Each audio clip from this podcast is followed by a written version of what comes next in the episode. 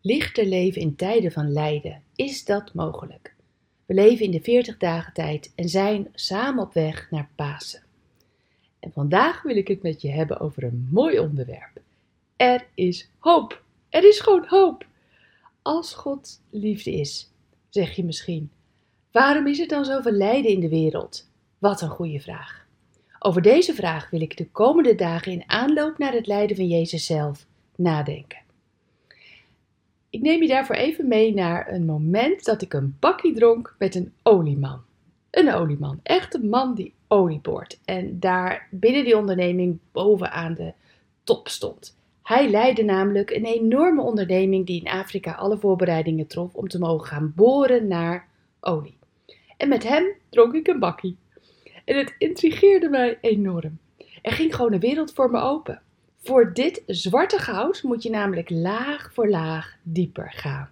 En dat kost bakken met tijd, energie en natuurlijk geld. Maar als je het vindt, nou zet dan de taart maar op tafel hoor, jongen, jongen. God wil dat jij en ik ook de diepte in durven gaan. Laag voor laag. En dat we goud vinden. Goud voor ons leven. Diep boren betekent door harde aardlagen gaan. Hmm, waarom is er lijden, zeg je? En waarom is er lijden, zeggen zoveel mensen. Een antwoord hierop geven is niet zomaar je fiets tegen het hek parkeren en dan zeggen: hey, zullen we hier even boren naar olie? Uh -uh. Ja, ik durf het bijna niet aan om deze zoektocht met je aan te gaan, omdat ik weet dat ik onvolledig zal zijn. Dat, dat, dat, weet ik. Omdat ik zelf stamel als ik antwoorden zoek. De diepte ingaan gaat gelijk op met inzet, voorbereiden, uitzoeken, overleggen, weerleggen en opnieuw vragen durven stellen. Tim Keller, schrijver en predikant in New York, zegt hierover het volgende. Als je geen goede reden kunt zien of bedenken waarom God iets laat gebeuren, dan betekent dat nog niet dat er geen goede reden kan zijn. Het christelijk geloof is uniek.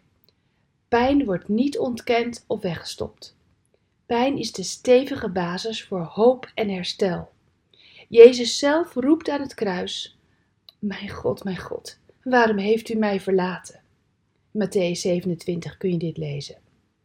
Maarten Luther zegt hierover: In Christus heeft de zondaar die door God verlaten is, een verlosser, die door de volle zwaarte van de menselijke vervreemding van God op zich genomen heeft en er weer uitgekomen is.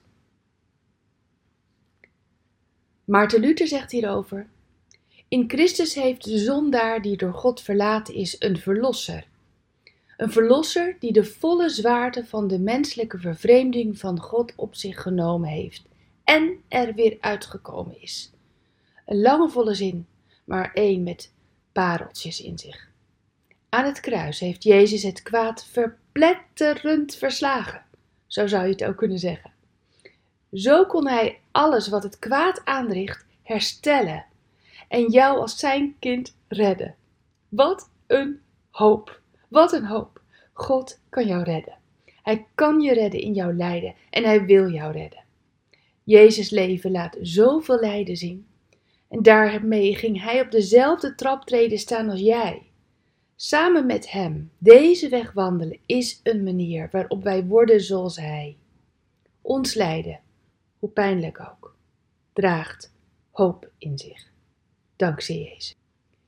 In jouw lijden kun je God verheerlijken midden in jouw pijn, net zoals Jezus jou voordeed. Zullen we samen kort maar krachtig gebed bidden? Heer, help. Amen. Bedankt voor het luisteren naar Ik Wonder Jou. Hebben de woorden je hart geraakt en de teksten je geïnspireerd? Gun ook anderen Ik Wonder Jou. Meld ze aan bij www.ikwonderjou.nl. Ik ben zo blij dat je bestaat.